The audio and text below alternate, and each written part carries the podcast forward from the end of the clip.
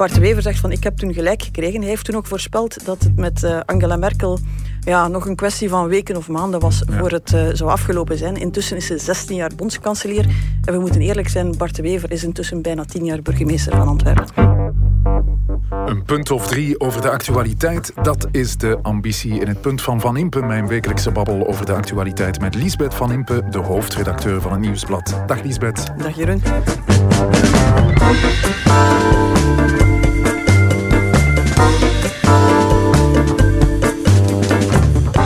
We zitten laat op de avond op de redactie van het Nieuwsblad in Antwerpen. Ik ben Jeroen Roppe. Dit is het punt van Van Impe.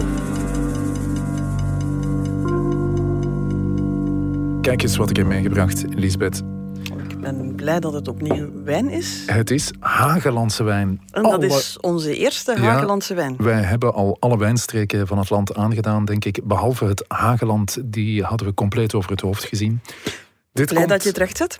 ja, dit komt uit het domein Kluisberg. Wat vind je? Uh, zeg mij op voorhand, is het een Château d'Ams? Mm, ja, ik weet niet of uh, Daams er eh, mee te maken heeft, maar het is inderdaad dezelfde regio. Ah, ik, we gaan eens proeven. Je weet wat er gebeurd is toen hij zelf zijn eigen wijn ooit op de laatste show geproefd heeft? Vertel. Uh, hij kreeg verschillende witte wijnen voorgeschoteld en uh, hij vond één glas absoluut een bucht, zijn eigen wijn. dus daarom dat ik het even vraag. Wel, dan is de kans klein dat dit de dameswijn is, want ik vind hem zeer lekker. Pittig, als dit Chateau Dams is, dan is hierop vooruit gegaan. Dat moeten we eerlijk zijn. Ik heb het eigenlijk ook meegebracht als uh, eerbetoon aan de onlangs overleden Wilfried van Moer. Een van de grootste Belgische voetballers aller tijden. En vooral een schitterende persoonlijkheid. Hij bracht ooit een wijkclub... Uh, die zijn veld in de tuin van de voorzitter had liggen naar de top van de tweede voetbalklasse. FC Assend heette die eh, club. En in Assend ligt ook het domein Kruisberg. Voilà. Wel, dan op Wilfried van Moer. School. Waar gaan we het over hebben, Lisbeth, vanavond? De peiling en de zenuwachtigheid die erbij hoort. De verkiezingen in Duitsland en de zenuwachtigheid die daarbij hoort. En uh, nog eens over CM El Kawakibi en de zenuwachtigheid die daarbij hoort. Ja, dat wordt een uh, nerveuze uitzending. Waarmee beginnen we? Laten we beginnen met de cijfertjes. De peiling. Het punt van Van Impe, de actua podcast van het Nieuwsblad, vind je elke donderdag op nieuwsblad.be en op de bekende podcastplatformen. C'est parti.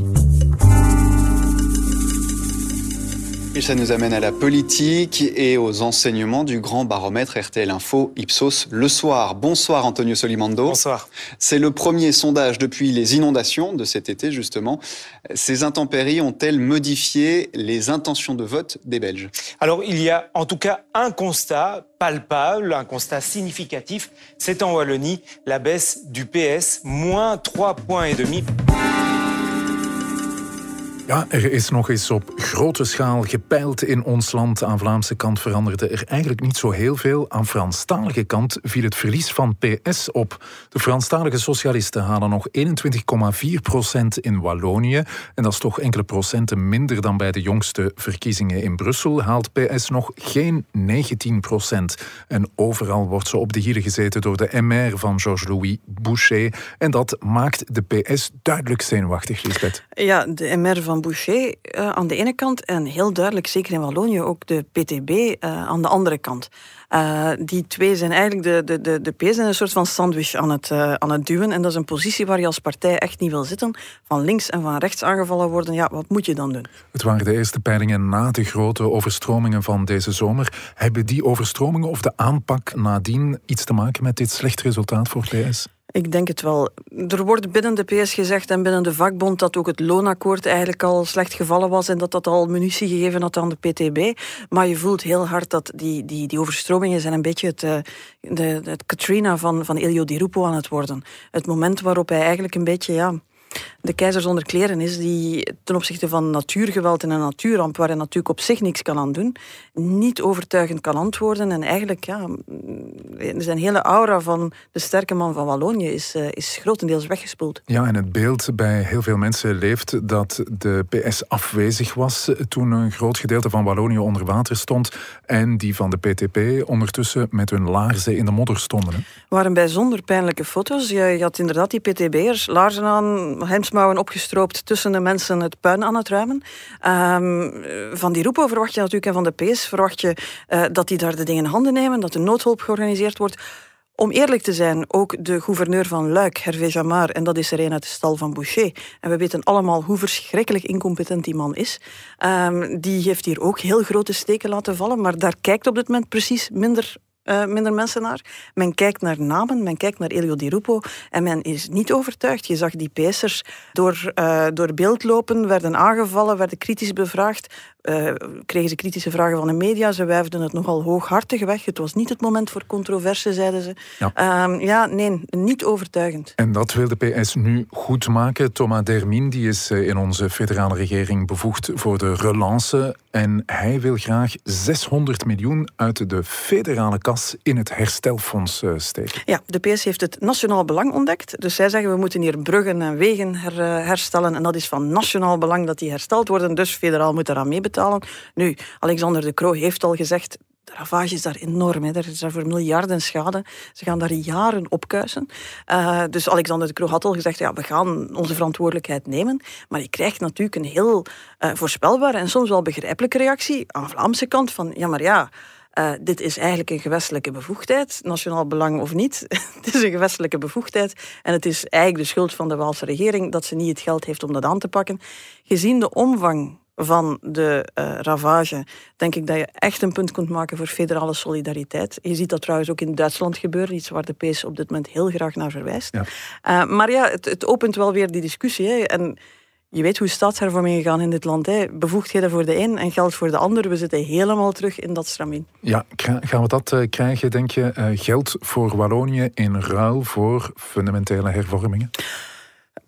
De schrik is dat dat nu niet zal lukken. Je moet daar nu heel snel gaan, gaan, gaan reageren. Je moet daar heel snel terug beginnen opbouwen. Dus je gaat die fondsen moeten, uh, moeten vrijmaken. Maar je voelt dat die druk om hervormingen door te voeren en tegelijk het gebrek aan geloof dat dat zal lukken met deze PS, uh, dat dat heel, heel dominant aanwezig is. En dat is dan weer de voedingsbodem voor alle eisen die zullen komen richting 2024. Ja, je hebt de Magnet Boys in de regering, uh, Thomas Dermin, maar ook minister Dermagne. Die kwam ook met het voorstel om mensen die vrijwillig ontslag nemen een uitkering te geven. Nu krijg je dat alleen als je wordt ontslagen. Uh, hoe moet ik dat interpreteren? Als de PS is bijzonder zenuwachtig. Want we hebben ze intussen allemaal gezien, de PS-ministers. We hebben Karine Lalieu gezien op pensioenen, die plots haar hele pensioenplan, waarop ze al een jaar dat de broeden uh, in de pers gesmeten heeft. Van doe er je ding mee, maar dit is wat wij willen. Uh, tot grote ontstentenis van de, de coalitiepartners. dan hebben we inderdaad Dermin gehad, die komt met zijn 600 miljoen. Ook eerst aan de kranten Hij zei wel dat hij naar de kroeg gebeld had, maar goed, uh, dat was toch wat twijfelachtig. Nu heb je Dermagne, die komt met iets waarvan hij weet dat uh, bij de Vlaamse, zeker bij de rechtse partijen, de harren, uh, reizen bij, bij het idee dat mensen zelf ontslag nemen en vervolgens ad infinitum recht zouden hebben op een, op een werkloosheidsuitkering. Dus de reacties zijn er ook heel voorspelbaar. Dit is een PS die zich wil manifesteren. En vergis je niet, dat zijn de heel publieke uitingen van die zenuwachtigheid. Je ziet ook stilaan in de Franstalige kranten, maar stilaan ook in de Vlaamse kranten, zo'n halve fluistercampagne. De premier is niet aanwezig genoeg. De premier roept geen live uh, ministerraden samen en dat is eigenlijk niet goed. De premier steekt zich weg. De premier agendeert dingen niet. Uh, ja, het is op dit moment heel persoonlijk gericht op Alexander de Croo. En hij zal echt iets moeten doen om uh, ervoor te zorgen dat dat stopt. Want dat creëert een heel, heel uh, toxische sfeer. Maak je punt, is Lisbeth. Um, Alexander de Croo moet leiderschap tonen, is het dat? Het is, uh, we hebben het al gezegd, hè, dit najaar is erop of eronder hè, voor die regering. Het is het moment dat ze hervormingen en beslissingen en, en, en grote beslissingen moet nemen. Uh, de aanzet op dit moment is zeer problematisch. Als er niet snel iets gebeurt, als de premier zich niet laat zien en zijn coalitie samenkrijgt, ja, dan gaan we naar een heel, heel lastig najaar. Het punt van Van Impe.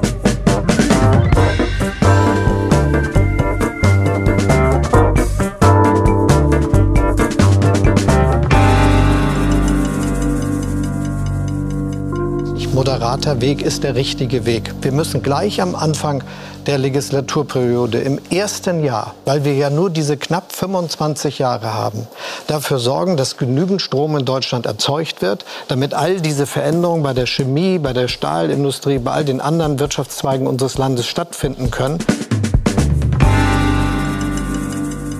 De gematigde weg is de juiste weg. Hij klinkt als een christendemocraat, maar hij is wel degelijk de kandidaat van links bij de verkiezingen in Duitsland. De belangrijkste verkiezingen van de eeuw. De eerste zonder bondskanselier Angela Merkel. Je hoorde Olaf Scholz van de sociaal-democratische SPD. De man die de verkiezingen wel eens zou kunnen winnen dit weekend. Hij en zijn partij liggen in ieder geval op kop. En je zegt hij klinkt als een christendemocraat. Wat hij eigenlijk probeert is klinken als Angela Merkel. Want daar gaan deze verkiezingen over. Wie is de opvolger van Angela Merkel en wie kan dus best diezelfde wat saaiheid, gematigdheid, centrumpositie, compromisbereidheid uitstralen. Dat gaat ver. Ik, ik weet niet of dat je weet wat de Merkel-route is. Ik ken de Merkel-ruit. Dat uh, is met uh, twee handen de beweging maken die Hans van Aken maakt als hij een doelpunt scoort, maar dan ter hoogte van de buik. Hè? Het was te denken dat jij het in een voetbalmetafoor zou gieten. Voor de mensen die, net als ik, ja, iets minder voetbal volgen, het is die beweging die uh, Angela Merkel, die pose, die ze altijd aanneemt als ze op foto's staat. Je weet wel, die typische foto's waar allemaal mannen in donker pak staan en dan staat daar Angela Merkel meestal in het midden in een kleurrijk vestje. En dan zet ze zo haar vingertoppen tegen elkaar en vormen haar handen zo'n soort van en dus Scholz heeft zich zo laten fotograferen als knipoog naar ik ben de volgende Angela Merkel. Ja, de volgende Angela Merkel zou ook wel eens Armin Laschet kunnen zijn. Dat is eh, de man van de uh, christendemocratische CDU, de, de partij van Merkel. Maar ik las ergens, eigenlijk is het heel ondankbaar om die uh, rol te moeten waarnemen. Het is zoals James Bond spelen na Sean Connery.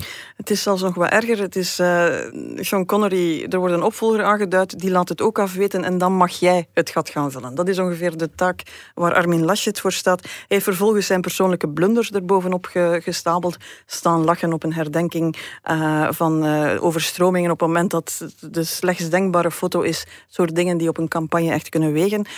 Maar laten we ook eerlijk zijn, Angela Merkel staat heel hoog in de popol, maar algemeen in Duitsland is er een zekere moeheid wel rond die CDU-CSU en wordt er ook wel gesproken over coalities zonder de Christen-Democraten. Ja, want een coalitie vormen, dat zal niet uh, simpel worden um, en zou maar eens naar Duitse normen lang kunnen duren. Hè? Ze zijn bang, hou je vast Jeroen, dat het weken en misschien wel een paar maanden zou kunnen duren.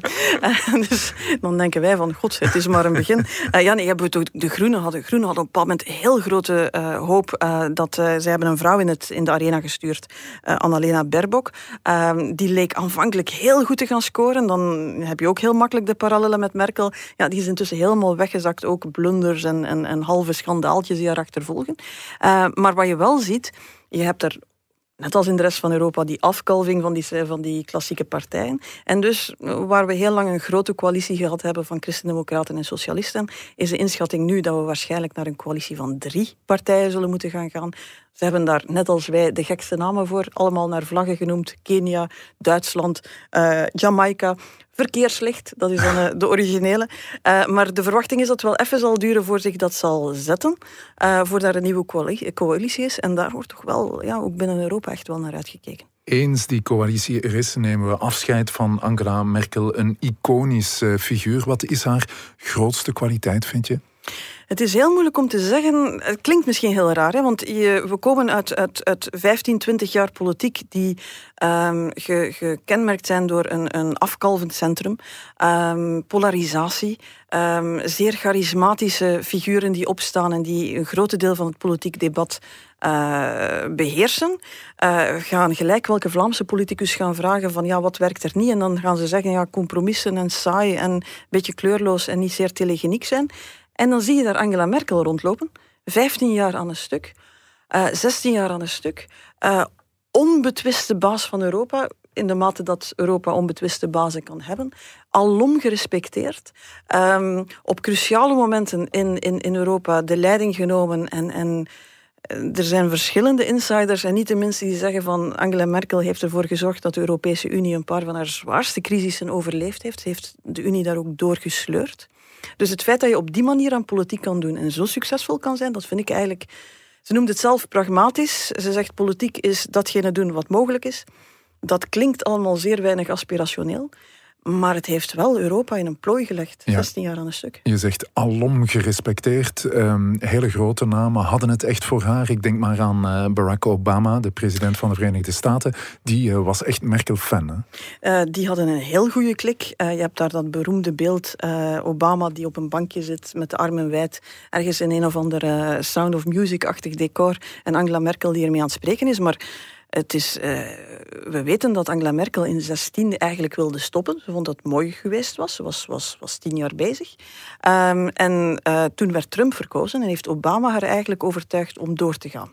Want zij moest eigenlijk de fakkeldrager worden van het liberale gedachtegoed, het, uh, het, het, het vrije Europees-Amerikaanse denken dat door Trump en de populisten zou bedreigd worden. Dus ze heeft dat ook gedaan en ze heeft er dus nog vijf jaar bij gedaan. Ja, er liggen hier trouwens nog uh, twee foto's. Eentje waar uh, zij op staat met, uh, met Donald Trump. Hè. Merkel en Trump in één beeld.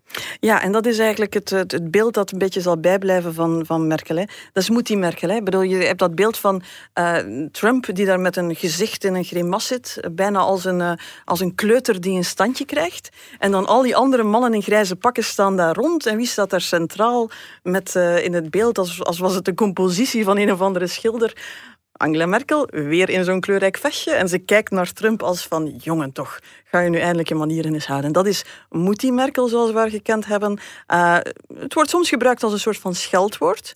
Uh, het moedertje, zo'n beetje lachen, maar het wordt ook gebruikt als een, als een soort van koosnaam. Het is een, een, een, een imago waar ook haar campagneteam mee aan de slag is gegaan toen die term begon te vallen. Net, ze zeggen net omdat ze zo weinig typisch vrouwelijke kenmerken heeft. Um, hebben ze dat Moetie-ding omarmd. Zijn ze daarmee aan de slag gegaan. Ze heeft ook zelf geen kinderen, wat blijkbaar in Duitsland anders toch zo goed zou niet, niet, niet gewerkt hebben. En dus ze hebben haar eigenlijk als moeder van de natie en ten tijde van Trump zei ik moeder van de liberale wereld eh, in de markt gezet. Een andere foto, Lisbeth, die hier ligt, is eh, een foto waar ze op staat met eh, Vladimir Poetin en een hond. En Merkel ja, kennende, daar was ze absoluut niet blij mee. Hè? Ze was bang van honden. Poetin wist dat en heeft uh, tijdens die audiëntie zijn hond laten rondlopen. En als je goed kijkt naar de foto, dan zie je de grens op het gezicht van Poetin, die heel goed weet dat daar iemand met uh, klamme handjes zit. Aan de andere kant, ze werd wel eens de Poetin-versteren genoemd. Uh, ze komt uit, uit Oost-Duitsland. Ze spreekt zeer goed Russisch. En ze heeft eigenlijk van alle Europese leiders had ze een soort van uh, band met Poetin. Probeerde ze de Russische posities te, te, begrijpen. Heeft ze ook lang geprobeerd om Poetin dichter bij Europa te houden. Dat is niet gelukt. Maar het blijft uh, iemand die, die, die die brug kan slaan in Europa tussen Oost en West. En dat is, ja, daar kwam ze eigenlijk op het juiste moment in de geschiedenis om uh, ja, te begrijpen wat er aan beide kanten van die uh, grens leeft. Ja, Lisbeth, als wij hier zo op een avond een fles wijn opentrekken, dan zeggen we altijd al lachend, wir schaffen das. Dat is een uitspraak die we waarschijnlijk over twintig jaar nog gaan gebruiken. Hè? Het is een uitspraak die blijft hangen, die op haar is blijven hangen. Net omdat ze voor haar eigenlijk uh, verrassend was. Doorgaans is ze pragmatisch, voorzichtig. Er is een oud, uh, in een of andere biografie staat er een beeld van de jonge Angela Merkel tijdens een uh, zwemuurtje op school. En er is zo'n hoge springplank, zo'n ding waar je even je moed moet verzamelen om ervan te springen. En zij staat daar het volle uur ongeveer te dralen en vlak voor de bel gaat, springt ze toch. Dat is het beeld dat vaak van Angela Merkel gebruikt wordt. De Duitsers hebben zelfs het woord merkelen voor niets doen. Ze heeft de gave om zich weg te stoppen tot ze weet wat ze moet doen. Maar bij de uh, migratiecrisis, de asielcrisis van, van 2015, deed ze eigenlijk iets wat ja, iedereen verraste. Net omdat het zo voluntaristisch was, omdat het zo idealistisch was, omdat ze uh, daar de vlucht vooruit nam. Uh, het, is een, het is een uitspraak waar sommigen haar, haar gaan blijven mee achtervolgen, waar anderen haar gaan blijven voorloven. Dat is, herinner je, de jaren ervoor was ze de boeman van links omdat ze uh, de Grieken zo hard aangepakt had. Uh, nu was ze de boeman van rechts, omdat ze zogezegd de grenzen opengegooid had. Uh, we hadden dit weekend um, een aantal politici die een soort van afscheidsbrief geschreven hebben aan Angela Merkel. Dan zie je Loret Onkelings, die begint direct over die Grieken en dat was toch niet mooi wat je daar gedaan hebt. En Bart de Wever, die komt weer met Wir schaffen das, dat was toch wel een hele grote fout. Um, hij maakt daar een karikatuur van die totaal niet klopt. Ik bedoel, ze stonden al in Europa, ze waren er al en het aanzuigeffect is veel minder groot geweest dan Bart de Wever altijd laat uitschijnen. En ik denk altijd, ja, je moet de dingen soms een beetje in verhouding zien Bart Wever zegt van ik heb toen gelijk gekregen. Hij heeft toen ook voorspeld dat het met uh, Angela Merkel ja, nog een kwestie van weken of maanden was voor het uh, zou afgelopen zijn. Intussen is ze 16 jaar bondskanselier. En we moeten eerlijk zijn, Bart de Wever is intussen bijna 10 jaar burgemeester van Antwerpen. Ja, we staan voor uh, historische verkiezingen, want uh, zeker voor Europa zijn dit cruciale verkiezingen. Hè. Het is een, een cruciaal moment voor Europa. Het, is, het zijn cruciale verkiezingen op zich. Ook de coalitie die er komt, alhoewel er weinig schrik is dat het een, een anti-Europese coalitie zou worden. Het Europees gevoel in, in Duitsland is groot, maar we weten, ze zijn van de begrotingsorthodoxie, ze zijn van de strenge regels. Daar zal niet veel verandering in komen, dus het is echt wel afwachten hoe zij daarin gaan staan. Uh, dat is afwachten, maar het is ook het eerste puzzelstukje. We hebben nu de Duitsers, we hebben in het voorjaar de Fransen. Daar, ja, daar zitten we te kijken naar wat. Een Macron tegen, tegen Le Pen, waar iedereen weer uh, moet hopen dat dat, dat dat goed afloopt. Je hebt nog altijd Italië, Spanje, grote spelers waar je toch op een stuk stabiliteit moet hopen. Dus het duurt eigenlijk tot de zomer van volgend jaar voor Europa eigenlijk weet waar het aan toe is, weer verder kan, terug een stuk midden gaat vinden. En dat zal moeten doen zonder Angela Merkel, degene die de voorbije jaren eigenlijk ervoor gezorgd heeft dat dat midden toch altijd weer gevonden werd. Dus dat is een gigantische uitdaging. Um, een nieuwe bondskanselier zal niet met dezelfde autoriteit die eerste Europese Raad binnenstappen. Dus het wordt een periode van zoeken, aftasten en snuffelen. Ja, dat is jouw punt dan, uh, Lisbeth. Het midden houden in Europa zonder Angela Merkel, dat uh, wordt nog een huzarenstuk. Ik mag ook hopen dat een aantal centrumpolitici nog eens heel goed kijken naar wat ze gedaan heeft, want het was niet perfect. Verre van, je kan er nog altijd veel op aanmerken, hè, maar uh, het is het soort politiek die we ergens ook toch wel nodig hebben. En laat ons niet erop zeggen dat, het, uh, dat je op die manier geen succesvol politicus kan zijn, want Angela Merkel heeft echt wel het tegendeel bewezen. Het punt van Van Impe. Een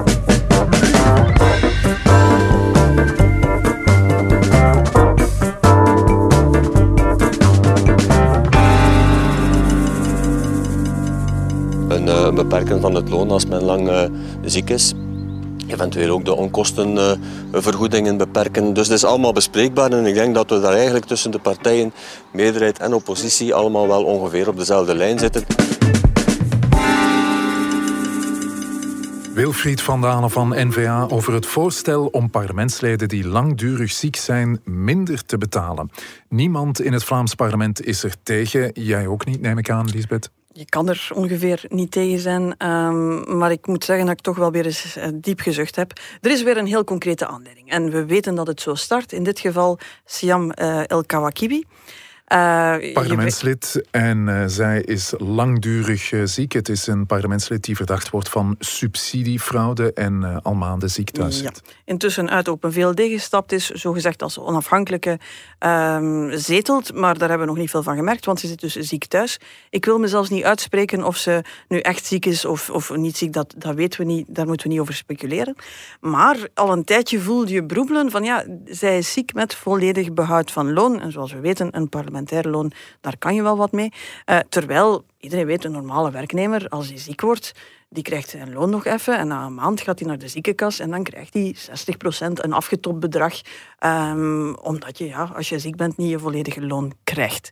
Dus dan krijg je die vraag van, ja, hoe komt het dat een parlementslid dat onder verdenking staat, waarvan alles over gezegd is, dat in het midden van de storm heeft gestaan en ziek thuis zit, hoe komt het dat daar het geld gewoon blijft binnenkomen en dat dat bij gewone mensen buiten het parlement niet het geval is? Ja, tijd om zoiets uh, aan te pakken, maar de politiek schiet meestal uh, uh, rijkelijk laat in actie. Dat is het. Hè. Ze hebben iedere keer een incident nodig waar ze zich op zijn slechtst laten zien om in actie te schieten. We hebben dat gezien met, herinner je, de uittredingsvergoedingen voor parlementairen die niet meer herverkozen waren. Dan hadden we de parlementairen die halfweg de legislatuur van job veranderen en ook weer een uittredingsvergoeding meepakten, ondanks het feit dat ze gewoon een nieuwe job hadden. Um, dan hebben we de, de discussie gehad over de pensioenrechten. Het duurt eigenlijk altijd totdat er alle spotlights op zo'n deel van de regeling staan dat je denkt van dit valt niet uit te leggen, dat de politiek collectief zegt, oeps, ja, dit krijgen we niet uitgelegd. En dat er dan een heel debat bestaat dat dan vervolgens ook meestal nog heel lang duurt. Um, en dat eindigt op iets wat half verwaterd is. Uh, waarbij dan, dan dat aspectje aangepast wordt. En dan weet je natuurlijk dat je gewoon maar moet wachten tot het volgende aspectje, het volgende incidentje, de volgende vraag die gesteld wordt en dan begint dat helemaal opnieuw.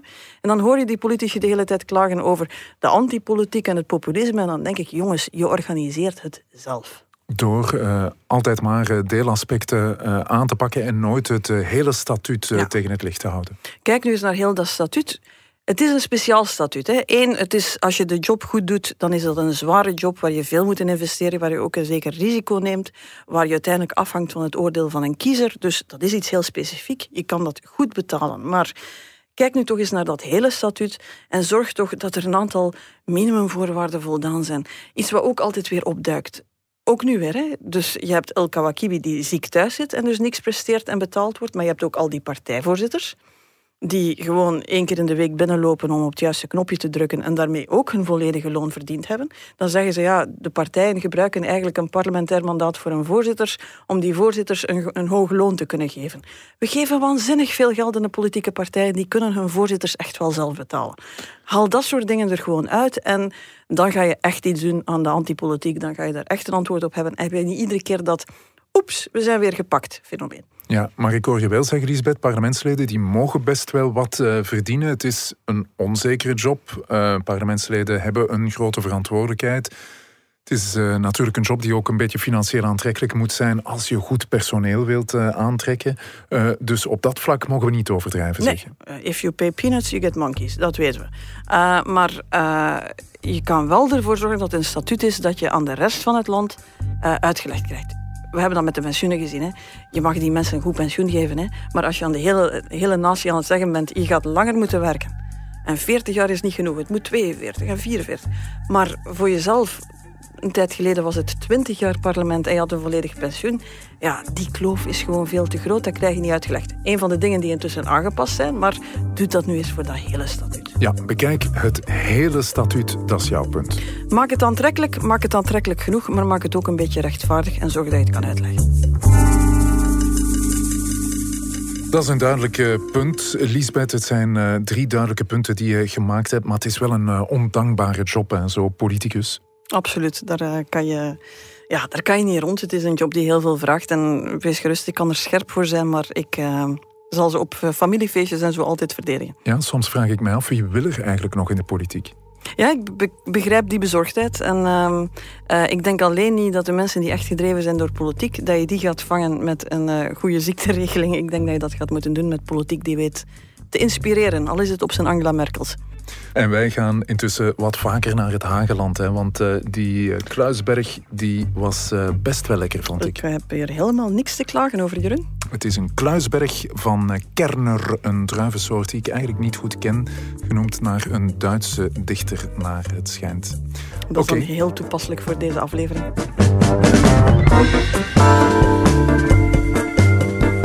Wij gaan rustig van onze Kluisberg af. Dit was het Punt van Van Impe, een podcast van het Nieuwsblad. Je hoorde de stemmen van de hoofdredacteur Lisbeth Van Impe en van mezelf, Jeroen Roppe. Dank aan de VRT voor de audio, aan Pieter Schrevens voor de muziek en aan House of Media voor de montage. De productie was in handen van Bert Heijvaart. Tot het volgende Punt van Van Impe.